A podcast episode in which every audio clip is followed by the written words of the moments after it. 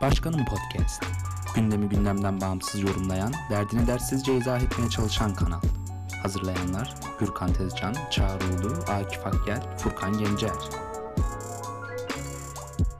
Başkanım Podcast'a hoş geldiniz. Ben Deniz Akif Emirhan Akgel. Gündemin 6. bölümünde ABD'de yaklaşmakta olan seçimleri ele alacağız. Kimlerle? Ankara'dan Gürkan Tezcan. Gürkan merhaba. Merhaba.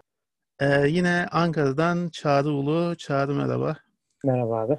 Tabii biz dinleyiciyiz. Şimdi bugün sahnenin sahibi konuğumuz meselenin menbaındaki isim Washington'dan Forum USA Genel Yayın Yönetmeni gazeteci Bilal Kenesari. Hocam hoş geldiniz. Merhaba, hoş bulduk. Kampanya süreci malumunuz devam ediyor. Bir yandan demokratlar, öbür yandan cumhuriyetçiler bu pandemiden ötürü de büyük ölçüde dijital e, biçimde devam ettiriyorlar seçim programlarını.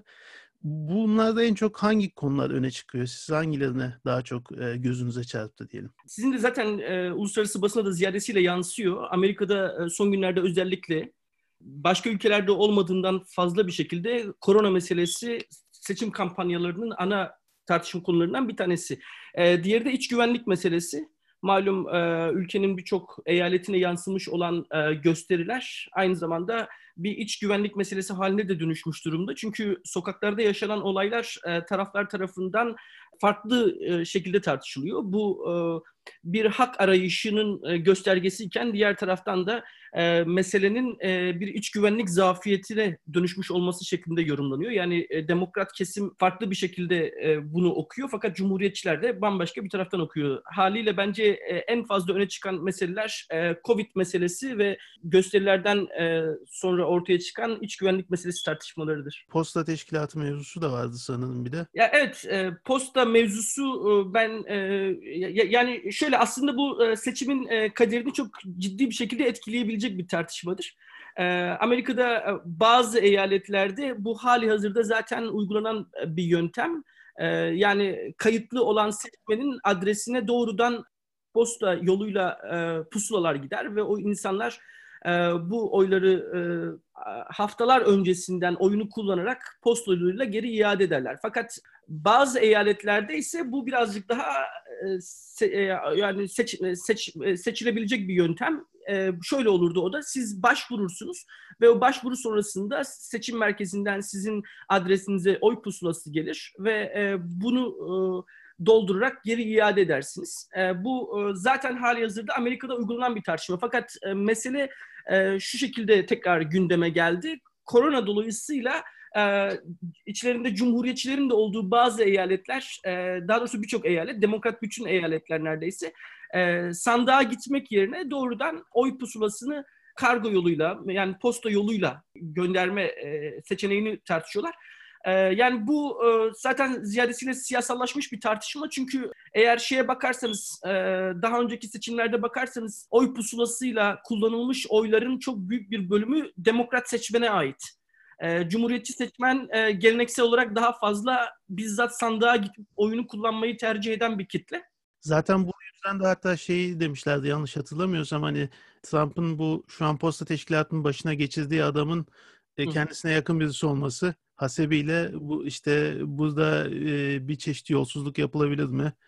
E, öbür yandan Trump kendisi de zaten e, posta yoluyla oy kullanımının bir sıkıntı çıkaracağını söyledi. Yani her iki tarafta aslında bir nevi güvensizlik belirtiyor sanırım yöntem üzerinden. Evet, e, bu bu tartışma yani bu arada Trump'ın postanın başına e, kendi adamını atamış olması e, doğrudan seçime alakalı bir şey çok e, normal bir e, süreç bence bu. Öyle bir pozisyona e, kendi kadrosundan birisini atamak istemesi. E, yani orada muhtemel bir yolsuzluğun önüne geçmekten ziyade daha güvenebileceği biriyle çalışmak istemesi bence çok şey bir şey değil. Abesle iştigal bir şey değil. E, fakat e, evet taraflar böyle bir oy kullanma metodunun aynı zamanda istismara müsait olabileceğini düşünüyor. Daha daha doğrusu cumhuriyetçi seçmen şey kanat bunu düşünüyor. Sebeplerinden bir tanesi yani şeyi bir tarafa bırakalım. Geleneksel olarak bu oy kullanmada demokrat seçmenin daha fazla posta yolunu tercih ediyor oluşunu bir tarafa bırakalım. Aynı zamanda bunun mesela gecikmelere yol açılabileceği, Trump'ın argümanlarından bir tanesi oyların zamanında gitmeyeceği yönünde. Fakat bazı eyaletler şöyle bir kararı almaya çalışıyorlar seçimden 3 gün sonra dahi oyun kendilerine ulaşması durumunda kendilerine ulaşacak oyların seçim sonucuyla birlikte güncelleyerek e, yani bir şekilde onu, onu yakalamaya çalışacaklarını vesaire söylüyorlar. E, bunun e, yanı sıra aynı zamanda mesela e, Cumhuriyetçi seçmenin sıkıntılarından bir tanesi de e, oy e, kullanması mümkün olmayan işte e, vefat eden insanların da e, isimlerinin e, üzerine e, yani yani henüz kaydı yapılmamış insanların da adına oy kullanılabileceği yönünde bir kaygıları var. E, aynı zamanda oyların e, kaybolması gibi bir durum söz konusu. Ve aynı zamanda sıkıntılarından bir tanesi de oyların kargo yani e, posta şirketi üzerinden merkeze ulaşması sonrası nasıl bir prosesle, nasıl bir süreçle e, sayıma uğrayacağı. Çünkü e, bizim e, Türkiye'deki gibi bir anda oylar sandığa atılıp aynı anda bütün herkesin bir araya gelerek e, herkesin gözü önünde açılması söz konusu değil. Çünkü oylar e, zaman içerisinde günlere, haftalara yayılarak e, merkezlere ulaşacak ve burada e, kısa Türkiye'deki bir konsantre bir önlem almaksızın çok daha zamana yayılmış bir önlem alınması gerekiyor ve bunun da sağlanması çok mümkün olmayabilir. E, ve bundan dolayı da e, şu anda böyle bir tartışma dönüyor. E, Trump hala bu karara bağlanmış bir şey değil ve bu eyaletlerin birçoğunun kendilerinin alabileceği bir e, kural. Yani burada işin doğrusu Trump'ın fazla oyun alanı yok. Sadece siyasal olarak pozisyonunu belirtip e, yapmak istediği şeyi yapıyor. E, söylüyor daha doğrusu. E, fakat e, dediğim gibi bu eyaletlerin kendilerinin alabileceği bir karar.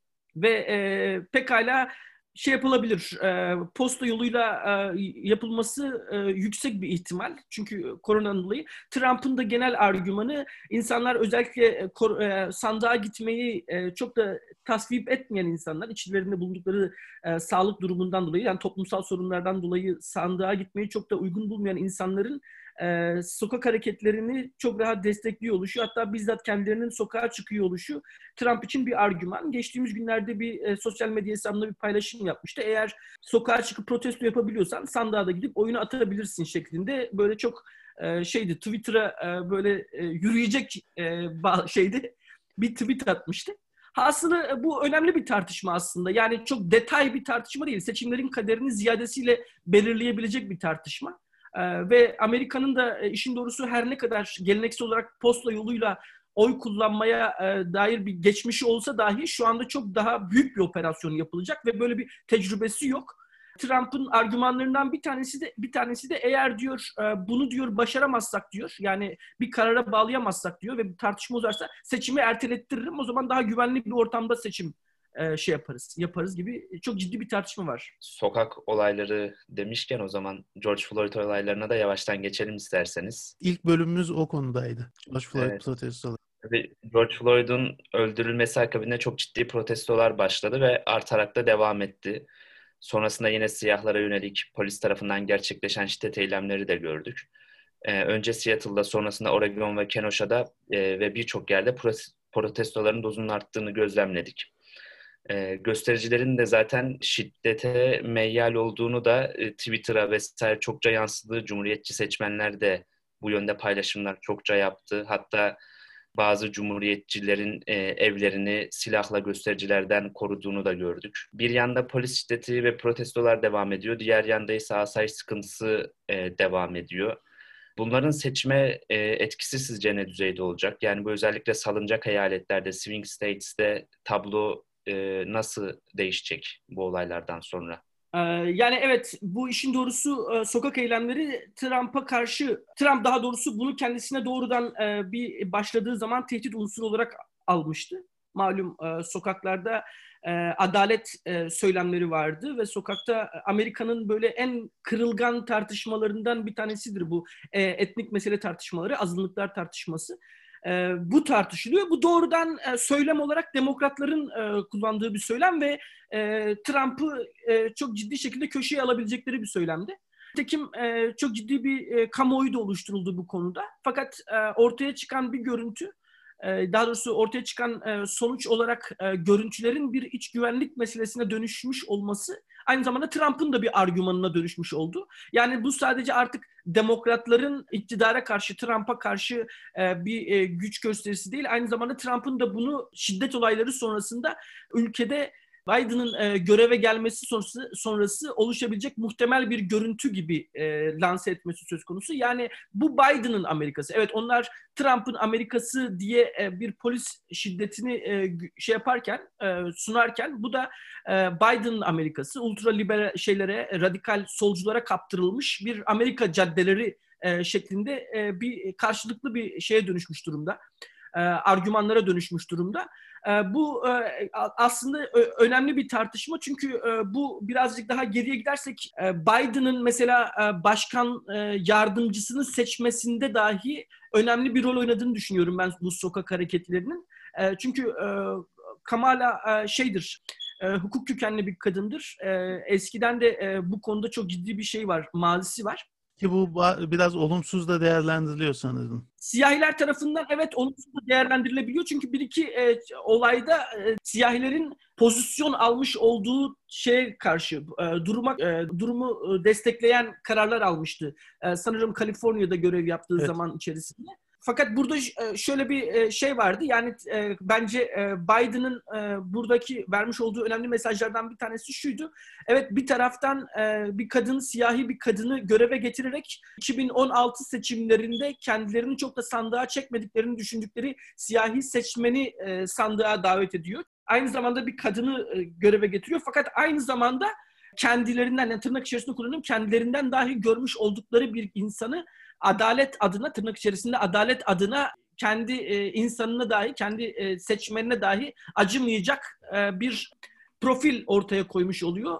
Burada e, şu, şu, anlamda önemli bu. Başkanın yardımcısını seçmesi e, en az seçmen gözünde başkan kadar da önemli bir tamamlayıcı unsurdur birlikte.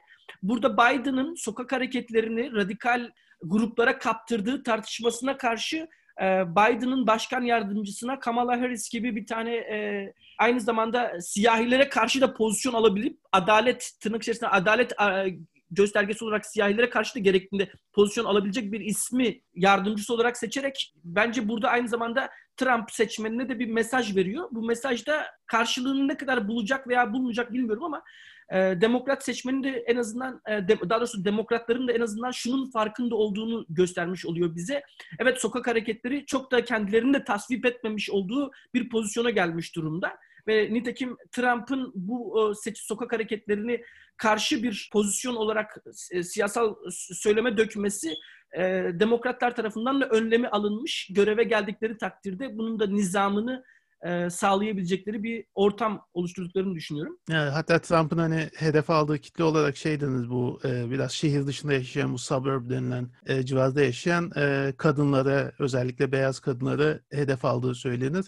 Ki hani bu güvenlik asayiş kaygısı merkezde vuku bulan e, sıkıntılar işte sizin mahallelerinize de gelirse ki Biden geldiğinde işte gelecek diyerek hani bir işaret ettiği tehlike, tehdit her zaman oldu değil mi hocam? Doğru, çok haklısın. Gerçekten e, başta da belirttiğim gibi yani seçimlerde sonuçları doğrudan etkileyebilecek e, meselelerden bir tanesi. E, nitekim taraflarda e, e, bunun farkında. Pozisyonları demokratların normalde bu hareketleri desteklemesi gerekirken Biden açık bir şekilde veya dündü sanırım veya bu sabahtı açık bir şekilde e, buna karşı önlem alacaklarını ve e, sokakları radikal hareketlere tırnak içerisinde bırakmayacaklarını söylemiş oldu. Özellikle salınacak eyaletlerde önemli bir mesele çünkü mesela iki tane önemli sokak hareketlerinden bahsedelim. Amerika'nın her tarafına yayılmış durumda. Bu Washington'dan şeye kadar, Utah'a kadar her tarafta sokak eylemleri yapılıyor. Ama mesela sokak hareketlerinin hasreten yoğunlaşmış olduğu Floyd olayının yaşandığı Minnesota ve Wisconsin şu anda e, önemli iki eyalet olarak e, önümüze çıkıyor. İki tarafta da e, önemli statistiklerden bir tanesi e, Wisconsin'ı e, Trump normalde burası demokratların önemli eyaletlerinden bir tanesidir fakat son seçimlerde Trump burayı yüzde bir noktadan daha düşük bir farkla e, kazanmıştı. E, yanlış hatırlamıyorsam e, yüzde yedi veya sekiz civarında bir farkla kazanmıştı Clinton'a karşı Wisconsin'a. E, Minnesota'da da e, yaklaşık e, yüzde ikiden az bir oyla demokratlar kazanmışlardı e, eyaleti. Haliyle bu iki tane eyalet önemli. ve buralarda e, sokak hareketleri doğrudan seçim e, sandıklarını da e, etkileyecek bağlamda demokratlar açısından önemli olan e, noktalardan bir tanesi siyasal motivasyonu şu anda insanların çok daha özellikle gençlerin çok daha yükselmiş durumda ve e, 2016 seçimlerinde demokratların en çok şikayet ettikleri konulardan bir tanesi de siyahi ve genç oyları yeterince sandığa taşıyamadıkları yönündeydi. Bu bağlamda bu iki tane eyalette oylar, daha doğrusu seçime katılım daha da yükselmiş olarak göreceğimizi düşünüyorum. Fakat bu sadece demokratların lehine işleyecek bir şey değil. Çünkü aynı zamanda bu eyaletlerde çok ciddi iç güvenlik meseleleri oluşmuş durumda. Özellikle Kenosha'da şu anda birçok esnafın korona gibi ekonomik bir süreçten yara almış birçok esnafın bir de sokak eylemleriyle zaten zor bela açtıkları kepenklerini tekrar kapatmak zorunda kalmış olmaları her bir tane şirkete milyonlarca dolarlık bir masrafa yol açıyor, gidere yol açıyor ve bu bence daha yüksek bir yerden baktığımız zaman ekonomi gibi bir sorunu önümüze geçiriyor ve bu da iç güvenlik meselesi ve koronadan daha fazla bizi etkileyebilecek bir mesele. Nitekim anketlere bakmış olduğumuz zaman birçok anket hali hazırda Biden'ı önde gösteriyor fakat biraz daha spesifik şey yani daha da detaylara baktığımız zaman ekonomik anlamda hala seçmenin Trump'a Biden'dan daha fazla güvendiğini e, görürüz. Sokak hareketlerinin de doğrudan ekonomiyi etkilediği e, söz konusu ve bu bağlamda e, işin doğrusu e, sokak hareketleri her ne kadar demokrat seçmeni sahaya çıkartmış olsa da e, sandıkta e, cumhuriyetçi seçmeni e, şey yapabilir, e, daha da çok sevindirebilir. E, o zaman adaylara geçelim isterseniz hocam. Bu e, şimdi Trump malum e, rakiplerine böyle bir lakap takıp dalga geçmeyi çok sever. Hani mesela Hillary Clinton'la crook diyordu sahtekar manasında değil mi? Elizabeth Warren meselesi vardı. O çok e, fantastikti. İşte e, geçmişinde yerli Amerika... Evet, Amerikalı yerli e, ataları olduğunu iddia ettiği için Pocahontas diye dalga geçiyordu. Fakat Warren da buna çok zemin hazırladı. Gidip genetik test yapıp işte yüzde iki mine atalarının işte şey olduğunu falan ortaya çıkarmıştı. Amerikan yerlisi vesaire. Şimdi Joe Biden'a da sarıyor da Joe Biden'a Sleepy Joe diyor daha çok. Uykucu diye işte yaşlılığına atıfla ki e, Trump'tan bir yaş büyük sanırım. 77 yaşında Biden, Trump 76 yaşında. E, fakat burada hani ilerleyen yaş gaflat kısmı var Biden'ın. O da onun sıkıntısı. E, Trump e, mütemadiyen biliyorsunuz söylemi çok sıklıkla değişen, bir gün öbür günü tutmayan biraz dengesiz çıkışları olan bir tip. Biraz da reality show herhalde şeyi var üzerinde hala. Hı. Şimdi bu bağlamda bak seçmen gözünden bakınca seçmen nezdinde işte geçenlerde bir ankette e, Biden'ı seçmedeki en büyük sebep olarak Trump olmaması diyordu mesela seçmenleri. İşte Trump seçmenlerinin onu seçmesine sebep olarak işte liderlik vasfı vesaire gibi bir yaklaşımları vardı. Sizce hocam bu bağlamda adayların e, seçmen nezdindeki görülen zayıf noktaları, güçlü noktaları neler? Nasıl görünüyor oradan bakınca? Ya işin doğrusu e, Biden ve Trump arasında bildiğim kadarıyla üç tane şey olacak. Televizyon e, gösterisi olacak. Yani üç kere karşı karşıya gelecekler. Trump'ın e, muhtemelen e, Biden'a en fazla saldıracağı konu Biden'ın e, yaşı ve e, hali hazırdaki e, fiziksel kondisyonu olacak. Ba- e, Biden burasında yani buradan en fazla vurulacak kişi olarak e, e, şey yapıyor, duruyor. Ve işin doğrusu e, Sanders e, her ne kadar e, Biden'a bu konuda destek vermiş dahi olsa da seçimi e, yani ön seçimleri Biden'a kaybeden Sanders her ne kadar daha sonra e, Biden'a destek vermiş olsa da Sanders'ın kemik kitlesi çok Biden'dan şey değil. Ehven işler olarak mı bakıyorlar yani? Ya ehven işler olarak bakmayanlar da var. Yani çünkü şey diyorlar yani Biden gibi birisiyle devam edecek edeceğimize Trump gibi birisiyle kavga edelim şeklinde pozisyon alanlar da var. Çünkü Biden'ın iktidarı e, tırnak içerisinde bizim iktidarımız gibi görünecek fakat bizi temsil etmiyor olacak. Buna buna karşı mücadelemizi devam ettirip kendi e, şeyimizi kuralım, demokrat pozisyonumuzu alalım diye. Çünkü bu adamların aynı zamanda e, tezlerinden bir tanesi de artık Demokrat Partisi yenilenmeli. E, nitekim Demokrat kanat içerisinde de e, buna e, ciddi şekilde destek veren e, ve aynı zamanda altyapısı da hazır buna. E, bu e, bu önemli bir gösterge fakat hali hazırda ellerinde Biden var ve muhtemelen e, Trump'ın Amerika'sına karşı bir Biden'la devam etmeyi tercih edebilirler. Fakat dikkat ediyorsunuzdur Biden'ın en fazla, demokratların en fazla kullanmış olduğu söylemlerden bir tanesi herhangi bir e, vaatten ziyade Trump'ın kendisi Yani Trump'ın Amerika'sı e, bir şekilde e, portre ediliyor ve mücadelenin bununla olduğu söyleniliyor. Bu e, Biden'ın en büyük kozlarından bir tanesi fakat e, burada e, önemli olan şey Biden'ın Trump'ı eleştirerek ne kadar bu şey, swing salınacak eyaletlerden oy alabileceği meselesi. Yani burada da Trump'ın Biden'a bir kişilik saldırısı söz konusu. Biden'ın Burada da hocam sözünüzü kesme özür dilerim. Şeye değinecektim de tam söylediğinizin üzerine geldi. Hani bu bahsettiğiniz sol kanatın işte e, Ocasio-Cortez mesela en çok tanınan yüzlerinden biridir ama e, 90 saniye mi konuşma hakkı vermişlerdi. O kadar kısa hani tuttular. E, bir yandan işte e, Chomsky geçen programda Trump'ın gitmesi için biz oy vereceğiz. Yani hani oy verirken insanlar sadece birisini seçmek için değil de öbürünü seçmemek için de oy verirler diyerek e, Biden'a destek bildirmişti. O sol kanatta, progresif kanatta ama bir de e, böyle bir e, yaklaşım var. Yani hani biz tamam Trump'ı istemiyoruz ama e, Biden'ı da getirme istememizin sebebi ehvenişer ya da hatta o bile değil. Yani tamamen sırf Trump gitsin dediğiniz gibi. Bu Hı hani belki demokrat seçmen içerisinde o kanadı harekete geçirir ama e, bu e, cumhuriyetçi seçmende makes bulur mu böyle bir çağrı? E, Yani e, işin doğrusu Trump'ın derdi çok da karşı taraftan oy alabilmek vesaire değil. Taraflar arasındaki e, siyasal pozisyon şu anda Cumhuriyetçilerle e, Demokratlar arasındaki siyasal pozisyon e, şu, andaki Amerika'da e, kolay kolay saf değiştirecek bir oy değil. Taraflar hali hazırda kendi oylarını e, korumaya çalışıyor ve demokratların umutlarından bir tanesi de altı seçim sandığa çekemedikleri e, oy, e, seçmeni tekrar sandığa çekerek. Yani o yüzden şunu söyleyebiliriz çok rahat. E, taraf şeyler adaylar kendi seçmenlerine konuşuyorlar. Şey değil yani karşı tarafın nasıl bir pozisyon alacağı veya oralardan oy alacağına dair herhangi bir şeyleri yok. Stratejileri yok.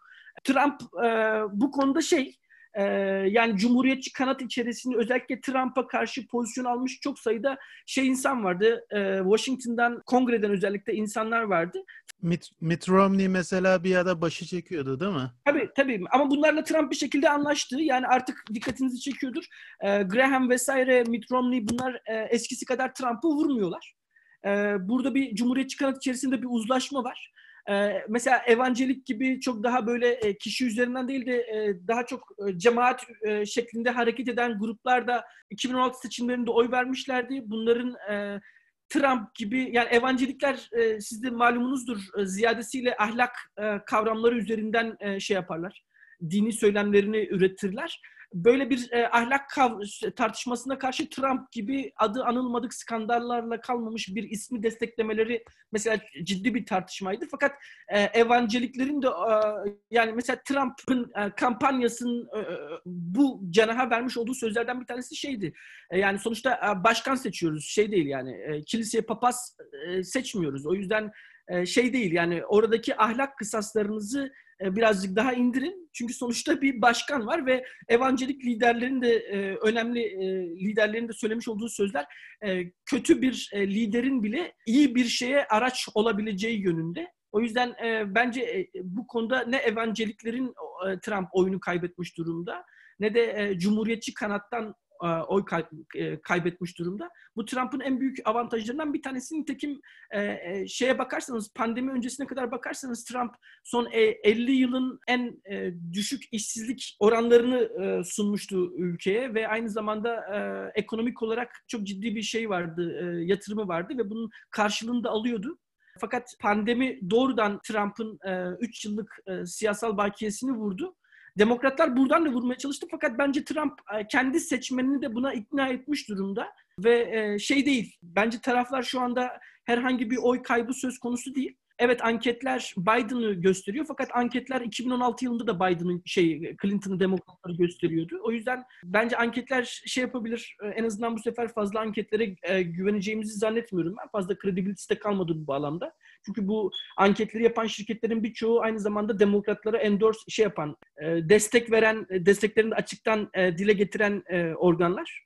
Trump da burada zaten bunların itibarlarını ve bu medya şirketlerinin itibarlarını doğrudan e, şey yaparak, hedef alarak onları şey yapmıştır. Seçmenine bu konuda da çok ciddi bir şey almıştır. E, destek atmıştır. Ee, yani e, evet birbirlerine saldırıları devam ediyor ve edecek de. Trump e, Biden'a en fazla şey yönünden vuracaktır. E, bunun ülkeyi yönetecek ehliyeti olmadığı yönünde. Biden da en fazla Trump'a 3 yıllık bir Amerika siyaseti hiç görmediği kadar başkanın skandallarını tartışmış bir Amerika'yı gördü. Ve bunun bir 4 yıl daha devam etmemesi için Trump'sız bir Amerika vaadiyle yola çıkıyor. Yani karşılığını göreceğiz fakat bence çok fazla bir şey değişmeyecek seçim sonucu olarak. Türkiye'ye spotu yönlendirecek olursak e, adayların Türkiye'ye dönük yaklaşımlarında bir farklılık var mı? FETÖ, PYD, Suriye meselelerinde iki tarafında e, Türkiye'nin lehine de aleyhine de söylemleri hatta benzer söylemleri de var. Ne tür farklılıklar gösteriyor? E, Biden'ın New York Times'a yaptığı söyleşide de konuştuğu şeyler çok küstahçı olarak atlettirildi bizim ülkemizde. Bu bir e, siyasete dönük bir çıkış mıydı yoksa gerçekten bir gerçeklik payı var mı? Yani bir defa şey konusunu düşünelim. Yani Amerika dış politikası normalde evet her seçimde konuşulur fakat bu seçimde Amerika dış politikasının eski seçimlere göre fazla bir etkisi olduğunu zannetmiyorum. Yani o yüzden zaten fazla gündeme de geliyor. Çünkü Amerika'nın derdi başından aşkın. O yüzden bir iç seçim hareketi olarak dışarıdaki tartışmaları içeriye çekerek seçmenlerine herhangi bir e, şey yapmak gibi bir dertleri yok. Fakat şunu unutmayalım aynı zamanda e, yani her ne kadar dış politika etkisiz olsa dahi belli başlı isimler Amerika'da marka değerinde ve ne yazık ki e, Türkiye'nin e, hasreten Cumhurbaşkanı Erdoğan'ın Amerika medyası tarafından oluşturmuş olan bir imajı var. Demokrat seçmenin de e, bu konudaki bir pozisyonu var. Ve tabii ki Biden'ın e, göreve geldikten sonra Türkiye'ye karşı veya Türkiye ile nasıl bir ilişki kuracağı e, şey değil. Bu bence bunu söylemek için çok erken. Çünkü ama e, en azından seçmenine duymak isteyeceği şeyleri söylediği kesin. E, bu da nedir? E, demokrat seçmen hasreten sadece demokrat seçmen de değil, cumhuriyetçi seçmen de Türkiye'nin güney e, doğu bölgesinde sınırlarımızda YPG'yi destekler. Ve Trump'ın da e, Biden'ın da bu konuda e, her zaman için açıklamaları e, daha çok YPG'yi destekleyen yöndedir şunu söyleyebiliriz bence çok da şey olmaz, abartı olmaz. Washington'da bence şu anda özellikle son e, 2-3 senedir YPG olayları hasreten şey olduğunda, Türkiye pozisyon almaya başladığında, operasyon yapmaya başladıktan sonra ne Pentagon'da ne Kongre'de ne de Dışişleri Bakanlığı'nda doğru düzgün Türkiye'yi hakikaten şey yapabilecek, e, savunacak ve bu konuda Türkiye'yi destekleyebilecek isim bence neredeyse yok gibi. E, yani e, şeyi söylemek abartı olacağını zannetmiyorum. Yani Washington'da Türkiye'nin ilişki kurabileceği bir e, şey var. E, Başkan Trump var ve bu da Cumhurbaşkanı Erdoğan'ın kendi kişisel geliştirmiş olduğu bir diplomatik bence şeydir. E, zaferdir. Her ne kadar bu konuda Washington'da Trump'ı eleştirirse çünkü bir telefonla Erdoğan senin aklını çok rahat değiştirebiliyor şeklinde eleştirileri çoğu zaman basına da yansıyor. Yani evet şu anda Trump'la oluşturulmuş olan bir klik var ve bu klik üzerinden kongre de düzgünlenebiliyor. E, fakat Biden'ın e, göreve gelmesiyle böyle bir ilişki kurulabilir mi? Bu konuda e, çok emin değilim. Çünkü e, aynı zamanda bir Obama bakiyesini devam ettiriyor olacak e, Biden e, dış politikada ve Obama'nın özellikle son yıllarda e, Türkiye karşı olmuş karşı almış olduğu bir pozisyon vardı ve e, bu konuda e, Biden'ın Türkiye ile ne kadar çalışacağı veya ne kadar çalışmak isteyebileceği, içerideki yani Türkiye'de çalışmak isterse bunu kendi seçmenine veya Washington'daki Pentagon'a veya Kongre'ye nasıl anlatır? Bunların hepsi e, biraz şey e, yani kapalı bir kutu şu anda ve o kutunun içinden işin doğrusu ne çıkacağı da belli değil. Ama şunu unutmamak lazım. Washington'da birçok şey var. E, realist şeyler var. E, think tank'ler var. E, siyasetçiler var. Ve bunlar her ne kadar kişisel olarak e, Cumhurbaşkanı Erdoğan'la sorun yaşasalar da son kertede Türk Türkiye ile çalışmayı tercih edebilecek insanlar. Çünkü e, YPG ile ilişkilerini çoğu zaman kulislerde e, birazcık daha e, konjektürel bir ilişki. Türkiye ise birçok noktada hem gerek ekonomik olarak gerek askeri olarak çok daha tarihsel olarak ilişkileri olan ve bu ilişkileri muhafaza etmesi gerektiği yönünde Beyaz Saray'a veya Pentagon'a telkinlerde bulunan çok sayıda insan var. Bu birazcık daha maceradan uzak, daha bence gerçekçi bir e, duruş. E, çünkü bu insanların temel argümanlarından bir tanesi, evet şu anda konjöktür gereği YPG'yi destekliyoruz. Ama e, son kertede karşımızda bir devlet var ve bu devletle bir şekilde ilişkilerin kopup bu devletin aynı zamanda bizimle olan ilişkisini başka ülkelere kaptırmamak gerektiğini düşünen insanlar var.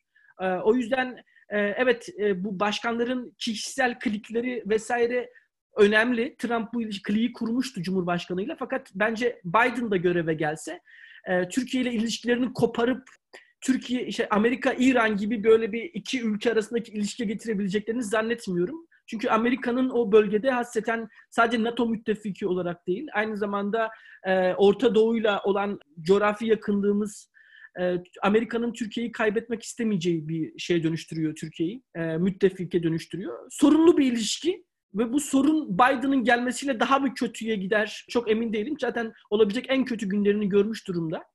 E, fakat Trump'la devam ederse de bence bunun da ötesine fazla geçeceğini zannetmiyorum. Yine e, Cumhurbaşkanı Erdoğan ve Trump arasındaki e, bir e, lider diplomasisi e, şeklinde devam edeceğini düşünüyorum.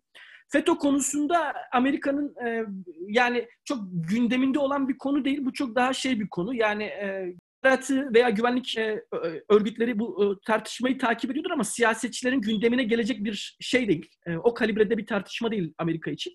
E, haliyle e, seçimlerde şey değil, dahi değil yani e, tartışma konusu dahi değil. E, ve Biden gelirse Gülen konusunda herhangi bir şey değişme olur mu? Ben pek olacağını zannetmiyorum.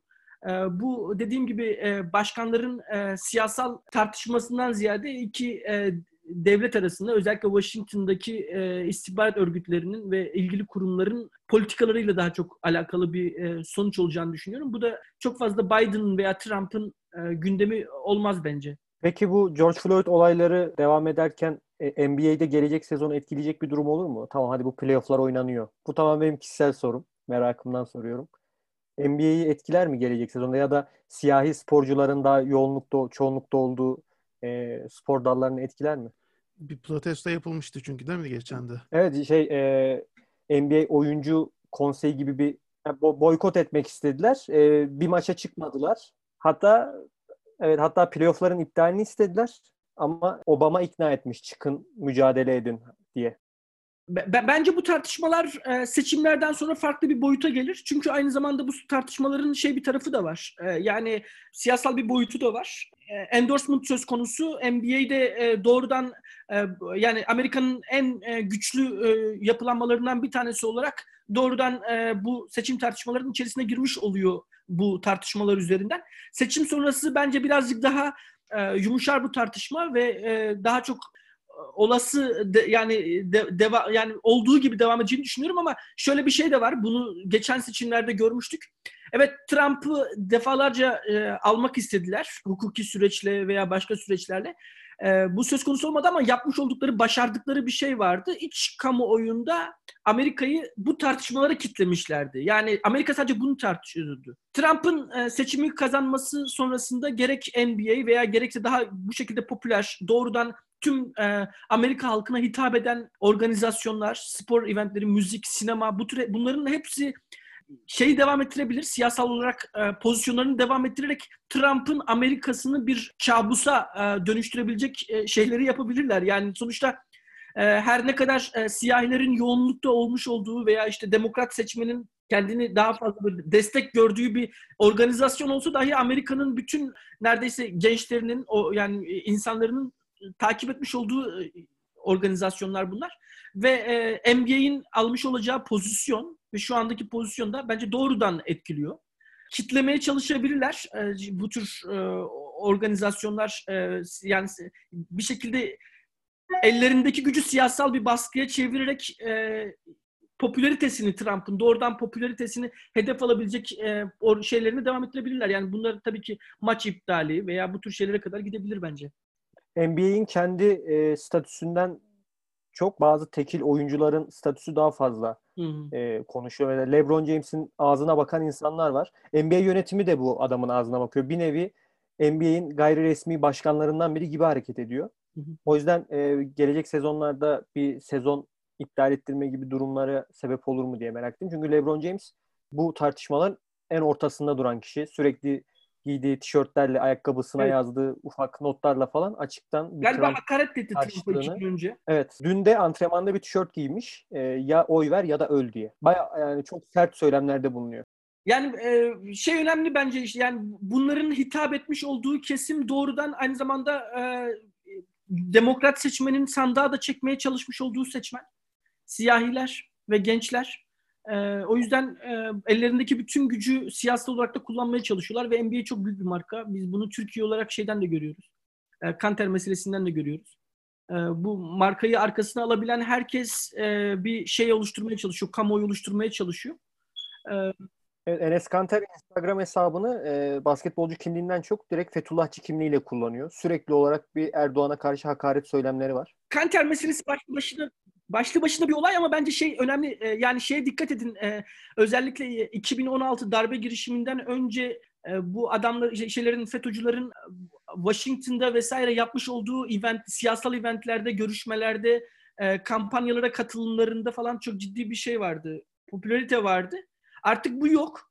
Daha çok Kanter gibi böyle e, bütün Amerika'ya hitap edebilecek şeyleri var, sözcüleri var ve bence bu bunu çok iyi kullanıyor e, e, bu örgüt. Çok iyi kullanıyor Kanter'i. FETÖ'nün FETÖ'nün NBA imamı diyebilir miyiz? Bence sözcüsü yani doğrudan sözcüsü gibi çalışıyor. Yani e, şey adam şu anda resmen şey yüzlü yani public yüzleri, PR yüzleri adamların. Ya bir de çok yüzsüz bir adam. Gidiyor şey diye röportaj veriyor.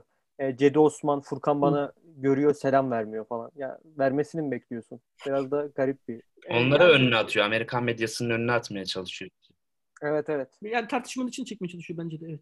Bu NBA konusunda da sanırım e, Biden seçildikten sonra her şey normale döner. Seçilmese bile şu anda yaptıkları kadar sert e, protestolar yapamazlar. Çünkü Amerika'da Amerika'da öyle erken, erken seçim ya da seçim yenilenme gibi şeyler olmayacağı için e, mecbur devam ederler. Obama ile yaptıkları gibi bir eylem olur. E, Beyaz Saray'a bir pota kurulur. Biden'la birlikte LeBron James böyle smaç vuruyormuş gibi yapıp böyle medyaya güzel pozlar verirler. Yok Trump seçilse de Obama en fazla aynı. şampiyon olan takım Beyaz Saray'ı ziyaret etmez yani. Ekstra sezon oynamıyoruz gibi şovlara giremezler yani. Evet, evet e, Washington Wizards çok linç ediliyor bu mevzularda. Çünkü kim seçilirse seçil- seçilsin hep gittiler ziyarete.